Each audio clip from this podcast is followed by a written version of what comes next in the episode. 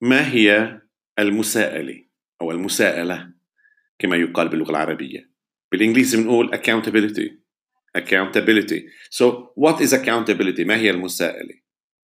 أنا مايك مسعود مدير المعهد الأمريكي لمكافحة الفساد في الشرق الأوسط وإفريقيا. أرحب بكم في حلقة جديدة من مكافحة الفساد. المساءلة أو المساءلة كما أسلفنا هو مصطلح في السياق الذي نتحدث به أي أن أي مكافحة الفساد هو مصطلح إداري. ويأخذ أيضا بعدا قانونيا بعد قانوني لأنه آه، في الأصل في الأصل الشخص أو الفرد مساءل آه، إذا ما كان يقوم بعمل طبقا لتعاقد ما.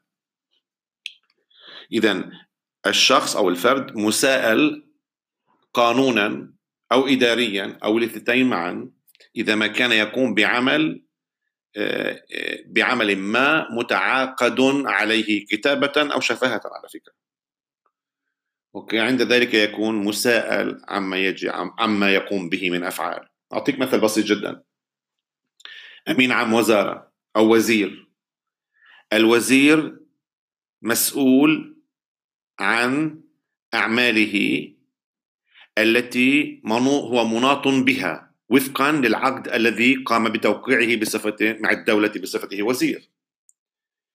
والموظف مسؤول عن أعماله التي يجب أن يقوم بها طبقا للعقد الذي أبرمه مع آه، الشركة أو الوزارة. إذا أنا مساءل أنا مساءل أي محاسب عن أعمالي التي يجب أن أقوم بها طبقا للتعاقد الذي بيني وبين الوزارة إذا كنت وزير مثلا أو موظف في وزارة.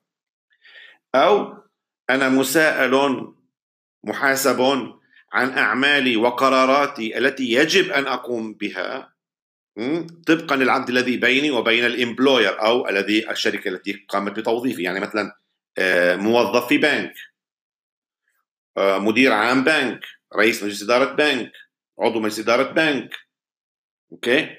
إذا أنت مساءل محاسب عن أعمالك التي يجب أن تقوم بها طبقا لعقد أبرمته بينك وبين طرف آخر.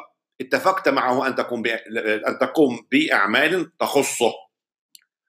وكيف عضو مجلس الإدارة انتخبته انتخبه المساهمون لكي يكون عضو مجلس إدارة. أو انتخبه مجلس الإدارة لكي يكون عضو مجلس الاداره أحيانا وال chairman of the bo عفوا ال CEO اللي هو المدير التنفيذي للبنك مثلا انتخبه أو قام بتعيينه مجلس الإدارة. فعلى السي أو أو المدير التنفيذي أن يقوم بأعماله طبقا للعقد الذي قام بتوقيعه مع الشركة أو البنك أو إلى ما هنالك. فأنا كموظف كمدير كفرد أنا محاسب عن أعمال متعاقد عليها لكي أقوم بها. اذا الأصل أنني غير محاسب وغير خاضع للمسال عن أمور أنا لست مسؤولا عنها. هكذا يقول التعريف. واضح تماما أعتقد مش هيك؟ لننتقل إلى المحور الآخر.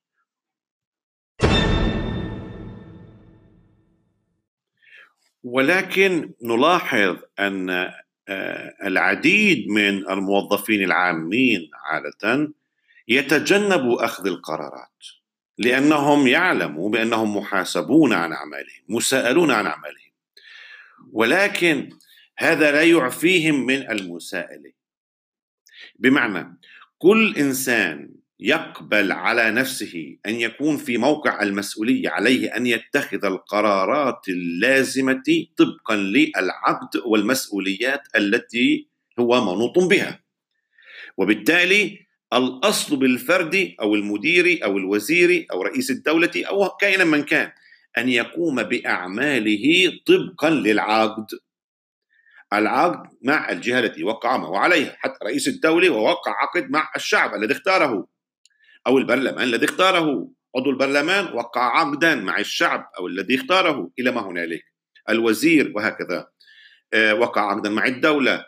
آه، الموظف الموظف العمومي وقع عقدا مع الدولة. موظف القطاع الخاص وقع عقدا مع الشركة وإلى ما هنالك. وبالتالي الأصل في الف... بالفرد أن يقوم بأعماله ويتخذ قراراته دون تلكؤ وعدم خوف من خطأ. لماذا؟ لأن هناك قاعدة مهمة جدا للموظف عندما يتخذ قرار ويخطئ. سنتحدث عنها في المقطع التالي.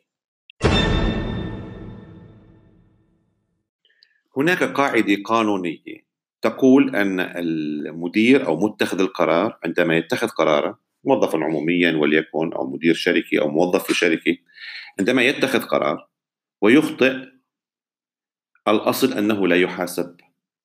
شريطة أن لا يكون قد أهمل في اتخاذ قراره. أعيد هذه الجملة كثير مهمة. وهي الجملة بنقولها لا أنا بقولها لكل إنسان في موقع القرار وباخذ بتردد يأخذ قرارات مشان ما يخطئش أو ما يتهموش حدا إنه فاسد أو الآخره أساسا الفاسد مش مستني حدا يتهمه إنه فاسد. والإنسان الشريف الأصل هيك إنه بخافش إنه حدا يتهمه إنه فاسد لما إنه شريف وبيعرف نفسه. على كل حال. الأصل كالتالي كل متخذ قرار بغض النظر بيشتغل بالقطاع العام بالقطاع الخاص معظم دول العالم على فكرة بتطبق هاي القاعدة. متخذ القرار عندما يتخذ قرارا ولا يكون قد أهمل في اتخاذ قراره ويكون قد آه، النتيجة كانت خطأ باتخاذ القرار فالشخص الذي أخذ قرارا لا يتم محاسبته. هذه بنسميها business judgment rule في الإنجليزي بعرفش الترجمة في العربي. اذا الأصل أن لا يكون قد أهمل في اتخاذ قراره. عندنا مدير البنك مثلا منح قرض لم يهمل في اتخاذ القرار. الشخص اللي أخذ القرض تلكأ في التسديد ما بيحاسبه لجنة التسهيلات أو مدير البنك اللي وافق أو على منح القرض لهذا الموظف. إذا كان اتخذ إذا كان لم يهمل في اتخاذ القرار. طبعا ما بدي أسهب في تفسير يعني إيش لا يهمل لأنه بأخذ وقت كثير جدا. أوكي؟ تمام. ننتقل للمحور الأخير. ما علاقة مبدأ المحاسبة أو المحاسبة accountability مع الفساد وردع الفساد؟